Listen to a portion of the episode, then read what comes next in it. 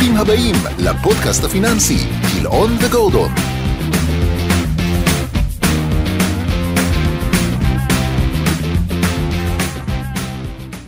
שלום רב ושבוע טוב ללקוחות, לחברי הקהילה וגם לך דרור. אהלן נדב, מה נשמע? המלחמה בישראל נמשכת זה השבוע ה-11 וגובה מחירים יקרים בכל התחומים. ובכל זאת נראה כי המשקיעים נהנים מעליות שערים כמעט בכל אפיק. מתחילת החודש עלה מדד המניות העולמי בקרוב לשלושה וחצי אחוזים, מדד תל אביב 125 עלה בקרוב לשלושה אחוזים. גם מחירי אגרות החוב המשיכו לעלות בחדות. מדד האולדבונד הכללי בישראל עלה בשני אחוזים, מדד האג"ח האמריקאי ה-AGG הוסיף קרוב לשלושה וחצי אחוזים בשבועיים של מסחר. השקל לעומת זאת המשיך להתחזק מול סל המטבעות ונסחר בשלושה שקלים ושישים ושבע אגורות לדולר. ברקע למגמה החיובית, הערכות המשקיעים לפיבוט המוניטרי, החלטות ריבית של הבנקים החשובים בעולם והמשך הצמיחה המרשימה ביחס לציפיות יש להגיד. בפרק היום אנחנו נעסוק בגורמים שמאפשרים את הראלי הזה וננסה להבין מה נכון לעשות עם תיקי ההשקעות לאור הנתונים המפתיעים והמורכבות הרבה יש להגיד. דרור איך אתה היום? אמ, אני בסדר באופן יחסי לנסיבות, אה, נראה ששוקי ההון אה, חיים באטמוספירה אחרת לגמרי מהכלכלה הריאלית ומהמציאות היומיומית אה, של רובנו. טוב, אנחנו ניגע בכל הדברים, אנחנו בפרק החודשי שלנו, הצטברו כמה נושאים מעניינים מאוד חשובים, הכנתי לנו כמה נקודות לשיחה מתוך מטרה באמת לארוז ללקוחות ולחברי הקהילה שלנו את הגורמים העיקריים שמשפיעים על תיקי ההשקעות שלהם בימים האלה. בוא נתחיל. קדימה. אני רוצה להתחיל בישראל, מדד המחירים לצרכן ירד בנובמבר בשלוש עשיריות. ב-12 החודשים האחרונים עלתה האינפלציה בישראל בשלושה אחוז ושלוש עשיריות. לא רחוק אגב מהיעד של בנק ישראל שעומד על בין אחוז לשלושה אחוזים. כן. בנוסף, אנחנו רואים המשך קיפאון כמעט מוחלט בשוק הנדל"ן. אני רוצה לשאול אותך, אתה חושב שבנק ישראל צפוי להוריד את הריבית בפגישה הקרובה, שאגב היא תהיה ביום הראשון של השנה הבאה?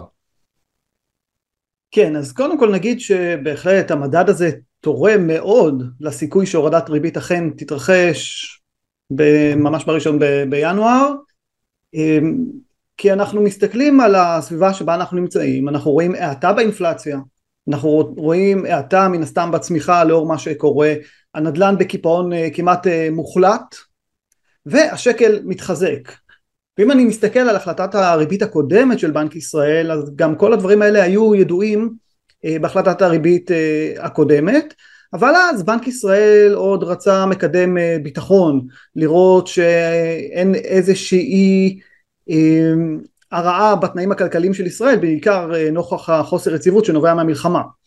עכשיו לגבי הסוגיה הזו אפשר אולי להתווכח אם אנחנו בשלים כרגע להורדת ריבית או שעדיין הטיעון שחוסר הוודאות אה, בעקבות המלחמה אה, עדיין כאן ומונע כרגע מבנק ישראל לנקוט במדיניות שהיא יותר מרחיבה בזמן שאנחנו רואים אה, בעיות בתובלה הימית לישראל בגלל מה שקורה עם החות'ים ואנחנו לא יודעים איך זה ישפיע על המחירים יש כל מיני דיבורים על כל מיני מוצרים שעלולים להתייקר בעד 30 אחוז אז זה יכול כמובן להשפיע על נראה אבל לאחרונה שזה לא תהיה בעיה רק של ישראל, אלא אני לא יודע אם זה טוב או לא טוב, אבל אה, כן.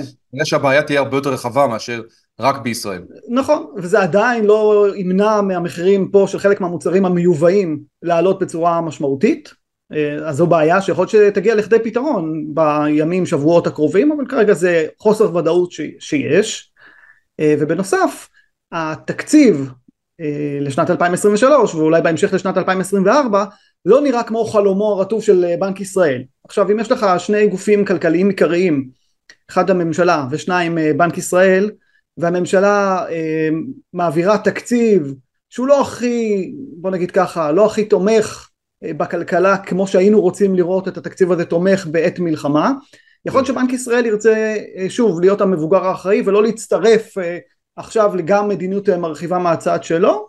אז יכול להיות שהוא יהסס עוד חודש עוד חודשיים אבל אנחנו הולכים ומתקרבים לעת שבה אה, בנק ישראל יוכל להוריד את הריבית ויש גם רוח גבית אה, מארצות הברית כי גם שם כבר הדיבורים על הורדת ריבית צוברים תאוצה. תראה, למרות המחירים הגבוהים של המלחמה בכל התחומים אגב, כן. הבורסה בישראל נראית מנותקת לגמרי. מתחילת נובמבר, ורשמתי לי את זה כאן, המדד עלה, מדד תל אביב 125 ב-11 אחוזים. האג"ח כללי בארץ עלה בחמישה וחצי אחוזים, כן. והשקל התחזק בשבעה אחוזים. כן. מה המשקיעים רואים כאן שאנחנו לא רואים במהדורות החדשות שאנחנו צופים בהם כל יום?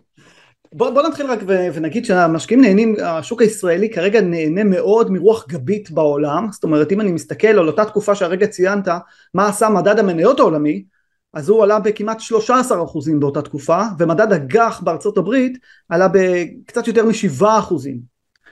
אפילו הדולר אה, שנחלש מול השקל הוא נחלש גם בעולם, זאת אומרת אנחנו רואים פה אז בעצם הירידה. שהייתה באוקטובר בישראל כתוצאה מהמלחמה, נכון.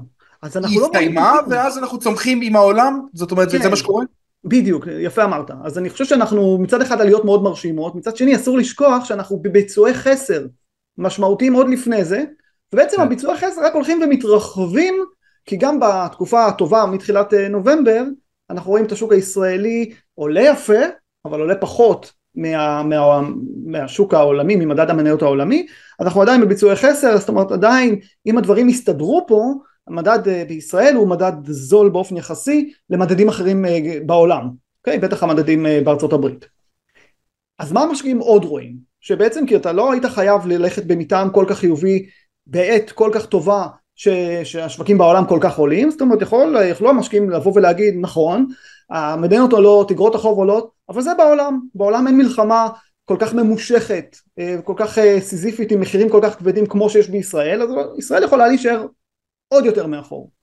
אני חושב שהמשקיעים בישראל אה, ממשיכים לתמחר את הטוב באופן יחסי כמובן מכל העולמות ש, שמה שיכול להיווצר בחודשים הקרובים. זאת אומרת אה, מלחמה בעזה שתלך ותדעך בשבועות הקרובים. לגבי הצפון יש איזשהו תמחור של אפשרות שאולי אנחנו נלך שם להסדר מדיני ולא למלחמה משמעותית ולגבי הממשלה שזה גם פקטור מאוד מאוד משמעותי אז אנחנו זוכרים כמה הנושא של ההפיכה המשפטית, החקיקה המשפטית, כמה הוא הפריע למשקיעים, לבעלי ההון בישראל, למשקיעים זרים וגם פה, גם בנושא הזה משקיעים עדיין מתמחרים סבירות יחסית גבוהה של החלפת הממשלה הזו, ירידה מהפרק של, של חקיקה משפטית ושינויים אה, אה, בתחום הזה ו, ו, וחוזים שאז גם הצמיחה תוכל לחזור אז אה, בעצם, לצד הורדת ריבית. בעצם אם אחד מהדברים לא יסתדר כפי שציינת כרגע שהשוק מתמחר, אז אנחנו נצפה לראות את השוק מגיב לזה, ואולי יורד בהתאם. כן, וזה רק שדיברנו על הדברים המקומיים, כי גם אפשר להוסיף לזה עוד את כך שהשוק מתמחר גם משהו כמו 6, אולי 7 הורדות ריבית אה, בשנה הבאה בישראל. אה, זה המון, אז גם אם זה לא יקרה מסיבה כזו או אחרת, אז גם יש פה איזה משקול. מדהים, אנחנו ניגע בזה אחרי זה, כן. אני רוצה שנרחיב בנושא הזה. Mm-hmm. אני רוצה רגע שתתייחס, כי אנחנו מקבלים באמת הרבה מאוד שאלות בנושא הזה, לפער הדרמטי, ואני לוקח אותך שוב, הביצועים בין הקרנות הכספיות שהפכו להיות היום נחלת הכלל ובכל תיק אה, אה, אפשר למצוא אותם, לבין נניח פוליסות חיסכון במסלול אג"ח. כן. פוליסות חיסכון כמשל, זאת אומרת, נכון. יכול להיות גם הרבה דברים אחרים, מאז נובמבר. כן, אז דיברנו על זה, אני חושב שממש ב... בתחילת נובמבר, אה, או סוף אוקטובר, ממש דיברנו על זה בפרק שעשינו, נראה לי נדמה לי שזה הפרק 48, על העניין שצריך לשים לב שברגע שהשוק יתחיל לתמחר הורדות ריבית, אז הקרנות הכספיות שגילמו לכאורה תשואה יותר גבוהה, בשורה התחתונה יניבו תשואה יותר נמוכה, ואפילו באופן דרמטי, ומה שהמלצנו לאנשים שיש להם אה, טווח אה, זמן להשקיע, למכור את הקרנות הכספיות ולעבור אפילו למסלולי אג"ח. ואנחנו רואים את העניין של המנוף באגרות חוב שזה אה, נובע מהמח"מ היותר ארוך של אגרות חוב בבורסה והאגרות חוב עלו ב, ב, בעצם הפוליסות חיסכון במסלול אג"ח עלו במעל חמישה אחוזים בתקופה יחסית מאוד קצרה מה שייקח לקרן הכספית אולי שנה וחודשיים להדביק כן. ואני חושב שמה שזה זה קורה כי בעוד שקרן כספית מיד שהריבית תרד הריבית בקרן הכספית תתעדכן כלפי. מטה כן. מי שקנה אגרות חוב יותר ארוכות בעצם קיבע ריביות יותר גבוהות ועכשיו הוא נהנה מזה שהשוק מתחיל לגלם בצורה משמעותית הורדת ריבית אה, בתוך 2024 כמה הורדות ריבית נעבור לארה"ב. החלטת הפד הייתה סופר דרמטית, הרבה מאוד חששו שאחרי הראלי בשווקים, יושב ראש הפד פאוול ישפוך מים צוננים בניסיון להרגיע את ההתלהבות. קיבלנו סוג של חגיגת ניצחון שלו עצמו יש להגיד. Inflation has eased from its highs, and this has come without a significant increase in unemployment. That's very good news. מה, מה אפשר ללמוד מההערכות המעודכנות של חברי הפד לפי דעתך? אז אוקיי, אז uh, לגבי הערכות של uh, חברי הפד, שוב אנחנו מדברים, יש uh, מושג כזה באנגלית גולדילוק, uh, אני מנסה לתרגם אותו לעברית, uh, אז אני חושב שזה בעצם התממשות של החלום האמריקאי, שאנחנו רואים עכשיו בארצות הברית, וחברי הפד התאימו את התחזית שלהם, יש 19 חברי פד, כל אחד נותן תחזית. אה, ומעדכנים את זה כל רבעון. עכשיו מה, מה התחזית שהם נותנים? על הדברים שהכי מעניינים את כולם, בעצם את המשקיעים ואת הכלכלנים. מה תהיה הצמיחה? השנה, השנה הבאה, עוד שנתיים, בטווח ארוך. מה יהיה שיעור האבטלה? מה תהיה האינפלציה? ומה תהיה הריבית? ואני חושב שהשינויים המאוד דרמטיים שאנחנו רואים ביחס לתחזיות שניתנו בספטמבר הם בעיקר, בעיקר אה, קשורים א', אנחנו רואים את העדכון כלפי מעלה בצמיחה שצפויה בשנת 2023, כלומר הכלכלה האמריקאית ממש מסרבת להיכנס למיתון, אנחנו נמצאים בצמיחה עדיין יפה, הצמיחה השנה תהיה בארצות הברית כנראה יותר משניים וחצי אחוזים, שזה צמיחה יפה. תחילת שנה אף אחד לא חזה בכלל שנהיה באזורים האלה, כולם ציפו או מיתון או צמיחה מאוד מאוד נמוכה. וגם חברי הפד עכשיו מיישרים באיזשהו מקום קו עם השוק וחוזים שהריבית בשנה הבאה תהיה 4 אחוזים ושש עשיריות, זה אומר שלוש הורדות ריבית בשנת 2024, שבתחזית הקודמת אה, הריבית אה, החזויה הייתה 5 אחוזים ועשירית. אז מה אנחנו רואים? אנחנו רואים אה, צמיחה שעודכנה כלפי מעלה ל-2023, נשארה די אותו דבר בשנת 2024, שיעור אבטלה ללא שינוי, אינפלציה, אינפלציית ליבה שיורדת קצת לכיוון השני אחוזים וארבע עשיריות שזה קרוב מאוד ליעד של הבנק הפדרלי שעומד על שני אחוזים וריבית שיורדת שלוש פעמים בתוך שנת 2024 זה הטוב מכל העולמות זה ממש חגיגת ניצחון של הפד. הנה הצלחתי למג...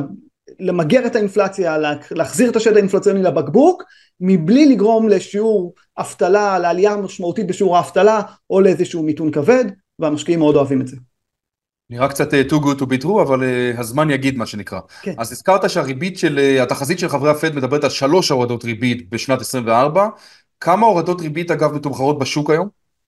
אז השוק מתמחר גם בין 6 ל-7 הורדות ריבית, תלוי מתי בדיוק מסתכלים, בשנת 2024, אז רואים את הריבית מגיעה בדצמבר 24 לאזור 4 אחוזים, יש גם כאלה שחושבים שהיא תרד אפילו עוד, שגם את זה אנחנו רואים בחוזים על הריבית.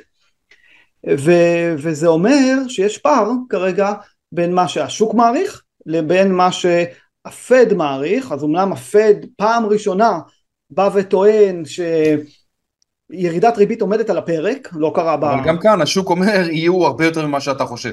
נכון. גם כאן השוק אומר שיהיה הרבה יותר ממה שהוא חושב וזה, וזה פער שצריך לראות איך, איך מתגברים עליו כי יש השלכות לכך או לכך אז מה, מה באמת צריך לקרות כדי שהתרחיש של השוק יתממש, ומה יהיו המשמעויות של תרחיש כזה למי שמחזיק באגרות חוב? זהו, אז אם אנחנו לוקחים רגע את, את המסיבת עיתונאים שקיים פאוול, יושב ראש הבנק הפדרלי, ומנסים להבין מה עומד בראשו של הפד, אז הוא, הוא נע בציר שמצד אחד הוא מפחד להשאיר את הריבית גבוהה לזמן ארוך מדי, ואז בעצם בעצמו לרסק את הכלכלה שלא בצורך, כלומר האינפלציה מתחילה לרדת.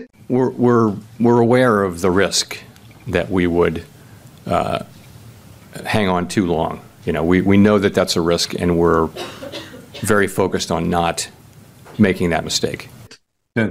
אז הוא רוצה להתחיל להוריד את הריבית. אמ, מצד שני, אם הצמיחה תמשיך להפתיע כלפי מעלה, אז הפד יהיה לו יותר קשה לסמוך על העניין שהאינפלציה ממשיכה לרדת, זה בדרך כלל כאילו הופך את התהליך של, של הירידה של האינפלציה ליותר איטי, כי אם השכר ממשיך לעלות ושוק העבודה ממשיך להיות מתוח והצרכנים מרגישים איזה יופי, המניות שלנו עלו, אה, השכר עולה, הכל אה, בסדר, אני מרגיש ביטחון תעסוקתי, אז הם ילכו ויצרכו והאינפלציה אה, תמשיך להיות יחסית גבוהה ואז אנחנו לא נראה את השש הורדות ריבית וזה לא יהיה כל כך טוב בהיבט הזה למשקיעי האג"ח, למשקיעי המניות אולי יהיה יותר טוב, ובתרחיש הפוך אה, בעצם כדי שמשקיעי האג"ח יהיו צודקים אנחנו צריכים לראות האטה משמעותית יותר בכלכלה האמריקאית וזה לא כל כך מסתדר עם הרלי המטורף שראינו בשוק המניות אז המצב הוא קצת מורכב כרגע. תגיד, אתה חושב שיש מצב שהריבית תרד עוד לפני שהאינפלציית ליבה, ה-core inflation תגיע ליעד של 2%? כן, אני חושב שה... שפאוול מבין את זה, זאת אומרת, פאוול מבין שיש פער בין הזמן שהוא התחיל נגיד להעלות את הריבית, עד שהעלאת הריבית מתורגמת לכלכלה הריאלית, עד שרואים את ה... עד, עד עכשיו למעשה, יש הרבה מאוד חברות ומשקי בית שלקחו הלוואות לפני יותר משנתיים, וההלוואות האלה בכלל עוד לא הגיעו ל... לסופן, זאת אומרת עדיין משלמים ריבית מאוד מאוד נמוכה, וככל שהזמן עובר יצטרכו לשלם ריבית יותר ויותר גבוהה, זאת אומרת שאנחנו לא רואים את, ה, את החלחול מהריבית הפדרלית כן. לכלכלה הריאלית. אותו דבר אם יחכו עכשיו עד שהאינפלציה ממש ממש אה, באופן אה, ודאי מבוסס תהיה פחות משני אחוזים ורק אז יתחילו ככה בהדרגה להוריד את הריבית יכול להיות שאנחנו נמצא את ארצות הברית במיתון משמעותי ולכן אם הפד ישתכנע שהאינפלציה ממשיכה לרדת והצמיחה היא, היא כזאת היא ממותנת, יכול להיות שהוא כן. יתחיל להוריד את הריבית, או סביר להניח שהוא יתחיל להוריד את הריבית באמת, לפני שהאינפלציה תתכנס אה, ממש אה, ליעד של 2%. אני רוצה רגע להזכיר לצופים, למאזינים, אה, על ה-QT. ה-QT זה הצמצום של המאזן על ידי מכירת אגרות חוב של הפד, שהוא רכש אגב בתקופת הקורונה. כן. וזה משהו שקורה. יכול להיות מצב שבו ממשיכים למכור את אותם אגרות חוב בזמן שהריבית מתחילה לרדת? כן, אז בוא נחשוב שכרגע מוכרים את האגרות חוב שנמצאים במאזן, אז uh, בעצם זה מדיניות, מדיניות uh, מוניטרית שנחשבת uh, מרסנת, זאת אומרת זה הולך בדרך כלל... למרחיבה אגב לקהל הצופים, אוקיי. כן, זה בדרך כלל כאילו, uh, שכרגע מה שאנחנו רואים זה את הפד מפעיל לחץ משני כיוונים, פעם אחת הוא העלה את הריבית, אז הוא שואב כסף מהשוק, ופעם שנייה שהוא מוכר את האגרות אה, חוב אה, בבורסה שהוא החזיק אז אם אתם זוכרים, אה, בטח אנשים זוכרים שדיברו פעם על הדפסות כסף ורכישה של אגרות חוב, אז עכשיו זה בדיוק הפעולה ההפכית. אז אנחנו בעצם מקטינים את כמות הכסף, הוא מוכר את האגרות חוב, הוא בעצם גורם לעלייה של התשואות גם באגרות חוב הארוכות, או לפחות מנסה לעשות את זה. ואז כן. נשאלת השאלה, האם הוא יכול להמשיך אה, לעשות את הפעולה הזאת בזמן שהוא רוצה לעבור למדיניות אה, מוניטרית שהיא יותר מרחיבה, יוריד את הריבית. ואני חושב שזה תלוי אה, קונטקסט, זאת אומרת אנחנו צריכים לראות איך הדברים יתגלגלו. אם הדברים יתגלגלו לכך שמורידים את הריבית כי המשק האמריקאי נכנס למצוקה, להאטה משמעותית, אז סביר להניח שהוא לא ימשיך למכור את האגרות חוב האלה ויוריד ריבית, אבל אם אנחנו רק נראה צמיחה לצורך העניין, לצד אה, ירידה משמעותית של האינפלציה כמו שאנחנו רואים סימנים לכך בחודשים האחרונים. אני חושב שהוא יכול אה, להמשיך בהדרגה להוריד את האגרות חוב שבעצם זה משקולת עבורו האגרות חוב האלה שהוא מחזיק עכשיו במאזן שלו עדיף שלא יהיו כרגע וזה יהיה כלי נשק שיוכל לשמש אותו בעת הצורך כמו שהיה קורונה והוא פשוט הדפיס כסף וקנה המון אגרות חוב. אז עכשיו זה הזמן קצת אה, לשחרר את המדיניות הזאת ולחזור לנורמלי כדי למלא את ארגז הכלים אה, לקראת המיתון הבא. אני רוצה שנתעכב עוד קצת על החלטת הריבית וההודעה אחרי זה של, של הנגיד, mm-hmm. בתחזיות המעודכנות של חברי הפד, הצמיחה לשנת 24 צפויה להיות נמוכה מהפוטנציאל בארצות הברית. מה אתה חושב שיקרה לריבית אם הצמיחה שוב תפתיע כלפי מעלה? או במילים אחרות, האם דרושה צמיחה נמוכה כדי שהריבית תרד בשנה הבאה, או שמספיקה ירידה באינפלציה בלבד? נגענו בזה קצת, אני רוצה שנרחיב על זה. כן, אז התשובה, אז התשובה היא שוב, פה, פה, מה שנקרא, פה קבור הכלב. זו השאלה הגדולה לקראת שנת 2024, בגלל שהשוק מתמחר הורדות ריבית מאוד אגרסיביות, ויש פה איזשהו דיסוננס בין החגיגה של, של שחקני המניות, של, של מדדי המניות שעלו מאוד מאוד בעוצמה, לבין זה שכדי שהתרחיש ששוק האג"ח מתמחר יתממש, אנחנו צריכים לראות האטה בכלכלה האמריקאית. ופה אנחנו, אם, אם עד עכשיו ראינו מתאם מאוד גבוה בין אגרות החוב לבין המניות, אני בכלל בכלל לא בטוח שאנחנו אולי כאן תהיה ההיפרדות, כן. כן, שנמשיך לראות את המתאם הזה בתוך 2024. אנחנו, אנחנו עוד מעט גם נגיד איך זה משפיע על התיקים ומה ההמלצה שלנו, אבל אה, אוקיי. אז אני אומר, כי, כי אם, אם בסופו של דבר אנחנו נראה את הכלכלה האמריקאית צומחת בקצב, נגיד, מפתיע לטובה, אז אנחנו נראה את אגרות החוב אה, נפגעות מזה. לעומת זאת, אם נראה את האגרות חוב כאילו צודקות, והכלכלה האמריקאית צומחת בקצב איטי עם ירידה מאוד חדה באינפלציה, יכול להיות שזה ישפיע גם על אה, קצב המכירות של החברות, על רווחי החברות והתיאבון לסיכון מצד המשקיעים. איך, איך הבנק הפדרלי בארצות הברית יכול לשלוט הרי הוא נחווה מכך שהיה לו את סינדרום העיכוב. זאת אומרת, הוא חיכה יותר מדי זמן עם האינפלציה שעלתה, ואז נדרש באמת להעלות את הריבית בתקופה מאוד קצרה, הרבה מאוד העלאות ריבית.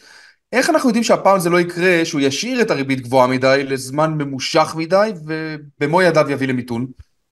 כן, אז אני חושב שהבנק הפדרלי פאוול מבין את זה, אה, אפילו ציין את זה במסיבת עיתונאים אה, כתגובה לשאלה.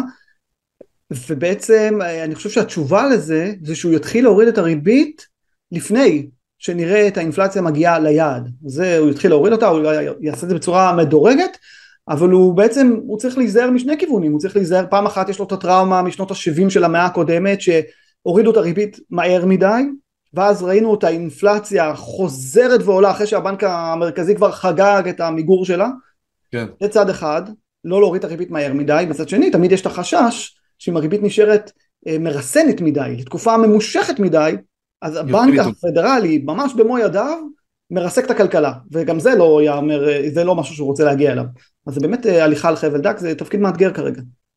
טוב, בניגוד לארה"ב שהוויכוח שם הוא בין המשקיעים לחברי הפד לגבי קצב וגובה הורדת הריבית, כן.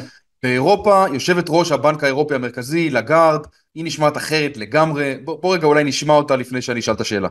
We did not we did not discuss rate cuts at all. No discussion, no debate on this issue. אז שמענו את אה, לגארד. למה אתה חושב שלמרות ציפיות לצמיחה איטית של שמונה עשיריות בשנת 24, כן. הבנק המרכזי של אירופה לא רואים לנכון להוריד את הריבית? כן, אז, אז קודם כל נגיד, אני חושב ההתחלה, מה שהכי חשוב, שיש הבדל בין המטרות שמוגדרות לבנק הפדרלי אה, לבין המטרות שמוגדרות בין המנדט של הבנק הפדרלי לבין המנדט של ה-ECB, הבנק האירופאי המרכזי. לבנק הפדרלי יש אה, מנדט כפול, הוא צריך לדאוג שהאינפלציה תהיה ב- ביעד, יציבות מחירים, והוא צריך במקביל לדאוג לתעסוקה מלאה ככל שניתן. בעוד שהבנק האירופאי המרכזי יש לו מנדט אחד, לדאוג ליציבות מחירים, זהו. עכשיו, לגארד וה-ECB מבינים שהאינפלציה באמת נמצאת בכיוון חיובי של ירידה וצריך לזכור שבאירופה היה משבר אנרגיה מאוד משמעותי אחרי הפלישה של רוסיה לאוקראינה אתה זוכר את זה נדב? ודאי. יפה. ואז uh, הממשלות השיקו תוכניות שמסבסדות uh, לחברות, למשקי בית, את המחיר של האנרגיה. כן. סוג של תמריצים. וכרגע, בגלל שיש רגיעה מאוד משמעותית במחירי האנרגיה, אותם תמריצים צפויים אה, לצאת חזרה והאינפלציה שירדה צפויה בחודשים הקרובים עוד פעם לעלות באירופה. אז הבנק המרכזי הוא לא מספיק בשל להכריז שהוא הצליח אה, למגר את האינפלציה והנה עכשיו אנחנו יכולים ללכת להוריד את הריבית. כן, כי הוא רוצה לנסות ולראות מה קורה איתה כשיפסיקו מה שנקרא המעשים המלאכותיים, אותם נכון. סובסידיות. ועוד דבר שהוא מסתכל עליו שיכול לתרום להמשך האינפלציה זה השכר, באירופה יש הרבה מאוד אה, אה, עבודה מאורגנת, כן, עם אה, גופים כמו ההסתדרות, שחוזים, אה, חוזי עבודה משותפים כאלה. כן. ואנחנו רואים באמת עליית שכר בשנה האחרונה, זה כבר כמה חודשים, בקצב של בערך חמישה אחוזים בשנה. שזה עליית שכר אה, יחסית משמעותית, בטח בצורה נומינלית. וככל שזה ממשיך והאינפלציה יורדת, העליית שכר הופכת להיות ריאלית. וזה יכול לתרום עוד פעם לאינפלציה. אז, אז אני אגיד שכרגע, בניגוד לארה"ב, ה-ECB עוד לא התחילו מה שנקרא לדבר על הורדות אה, ריבית אה, בכלל. ובכל זאת, ובכל זאת, שוק ההון מגלם 6 הורדות ריבית באירופה במהלך שנת 2024. איך זה הגיוני? אז זהו, אז אה, שוק ההון מאוד מעריך שיש מתאם בין הבנקים המרכזיים, כלומר שהפד מוביל ואז שאר הבנקים המרכזיים, Bank of England, כן, Bank of Japan, הוא חריג, אבל נגיד בטח בנק אירופאי, ואפילו בנק ישראל, הולכים בעקבותיו, ו- ובאמת רואים את ההאטה, יש האטה באירופה ברורה, אנחנו בצמיחה אפסית, אולי אפילו ממש אפס באירופה, אם אני לא טועה, אני לא זוכר אם זה היה אפס או אפילו מינוס אחד, לא, אפס. אבל אפס, ממש בלי צמיחה באירופה בכלל, ועם צפי לצמיחה מאוד אה, נמוכה בשנת 2024. כן. אז מעריכים שבסופו של דבר, אז לא עכשיו, אז אולי עוד חודשיים, עוד שלושה, ה-ECB ידבר אחרת. אני חושב שיש פה פער גדול מדי, אני... והתשואות באירופה יעלו כנראה במהלך השנה הבאה. אנחנו, אנחנו סימנו כבר מזמן לחשב את אירופה, ששם המצב קצת יותר קשה. אה, אני חושב שאולי השוק שם מתמחר איזשהו אה, תרחיש אופטימי מאוד, אבל גם כאן אנחנו נעקוב ונמשיך לראות. כשאתה אומר אופטימי אתה מתכוון פסימי, זאת אומרת אופטימי בהיבט של ירידת ריבית, אבל הירידת ריבית משמעותה צמיחה נמוכה, אבל אולי גם אינפלציה נמוכה, שזה אופטימי. נכון, בדיוק, תודה. בוא נסכם, מה אפשר לצפות היום בשוק ההון, מניות, אגרות חוב, למה צריך לשים לב? צריך לשים לב ש... שהייתה הזדמנות מאוד גדולה באגרות החוב, שהגיעה לשיאה ממש בסוף אוקטובר, וכרגע הנתונים הם קצת יותר מאתגרים, צריך לבנות תיקים אה, שיש בהם עוד כל מיני רכיבים, אז אם אני מסתכל נגיד על השקעה לחמש שנים בארצות הברית ובישראל באגרות חוב הממשלתיות, אז התשואה בישראל באגרת חוב ממשלתית היא שלושה אחוזים ושש עשיריות, אני מזכיר שהריבית היום במשק היא ארבעה אחוזים ושלושת רבעי, ואנחנו אין ספק שהשוק מתמחר הורדות ריבית, בארצות הברית ששם הריבית חמישה וחצי אחוזים היום, השוק אה, מגלם תשואה של שלושה אחוזים ותשע עשיריות האחוז, וגם באפיק הקונצרני, אז אם דיברנו בזמנו על אה, אזור ה-A כסוג של הסוויט ספוט כן. מבחינת המשקיעים, גם דירוג יחסית גבוה וגם אה, תשואה, עודף תשואה יחסית לממשלתי יחסית משמעותי, אנחנו מדברים היום על תשואה של אה, חמישה אחוזים ושש עשיריות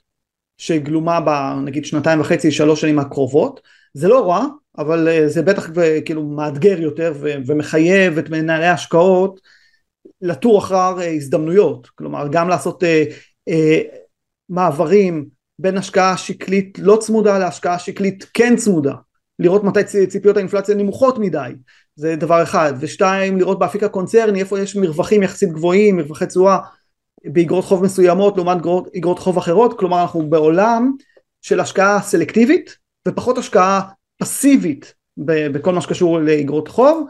אני כן אגיד שגם באפיק הצמוד אנחנו רואים באמת היום את התשואה הממוצעת באגרות חוב נגיד ב-AA בשניים וחצי אחוז תשואה פלוס מדד. אז אנחנו עדיין בתשואות אה, סבירות אבל בהחלט עצם העובדה ששוק ההון כבר מגלם את ההורדות ריבית אפילו יותר ממה שרוב האנשים מחכים זאת אומרת יותר ממה שהבנקים המרכזיים משדרים פי שתיים בערך כן. אז אני חושב שיהיה יותר אה, מאתגר לצפות לרווחי הון ויותר לבנות על תשואה שוטפת, פלוס ערך מוסף של מנהלי השקעות שהצליחו לתת. אז הכל יחסי בחיים, זה פחות טוב מאוקטובר, אבל זה הרבה הרבה יותר טוב ממה שהיה גלום בשווקים, נגיד בתחילת 2022, או במהלך 2022. אז אה, זה צריך לקחת בחשבון. ולגבי שוק המניות, אז אני חושב שהמניות הגדולות, הם אה, ש, שהובילו את העליות בנסדק וב-S&P 500, אותן שבע מניות גדולות, אז השוק הולך ומתחיל לחפש אה, להרחיב את ה... להעמיק את העליות למקומות אחרים גם, אז אנחנו רואים את הראסל 2000 פתאום בעליות הרבה יותר חדות, אנחנו רואים דיבורים על אה, שווקים מתעוררים שהם יעשו את המהלך החזק הבא, אנחנו רואים גם אפילו את העליות בתל אביב, כאילו אנשים מחפשים הזדמנויות במקומות שנחשבים מקומות ערך ופחות אה, מניות אה, צמיחה. אה, וגם אני אגיד שברמות שקל דולר שאנחנו נמצאים כיום, ברמה המקומית של ישראל ולאור האתגרים המקומיים שיש לנו, יש גם היגיון אה, להגדיל שוב פעם את החשיפה המט"חית, אה, כל אחד תלוי בנסיבות שלו, לא יותר מדי, לא להגיע ל-50-60 אחוז באמת צריך פה להגיד שזה מאוד מאוד תלוי בנסיבות, זה, צריך לבחון את זה. נכון. יש גם כל מיני דרכים לעשות את זה. נכון, יש כל מיני דרכים לעשות את זה, אבל זה בהחלט, אנחנו נמצאים בנקודה שהיא היא כנראה מגלמת... פעם שעברה שהצבעת על נקודה כזו, אה, שקל דולר היה 4 שקלים, קצת יותר אפילו. יהיה כן. נכון, אז אנחנו היום נמצאים בנקודה אחרת וצריך להתייחס לזה שוב כרכיב הגנתי, רכיב, סוג של רכיב ביטוח לתיקי השקעות של אנשים שגרים בישראל, שזה אנחנו כולנו. טוב, אה, עם זה אנחנו נסיים, אנחנו נאחל לכולנו ימים שקטים וטובים יותר, אה, אנחנו כאן כמובן נמצאים לעזור לכם בכל שאלה, בכל בקשה, אה, ואנחנו ניפגש בקרוב. דרור, המון המון תודה. תודה לך נדב, תודה לכולם. ביי ביי, להתראות. ביי ביי.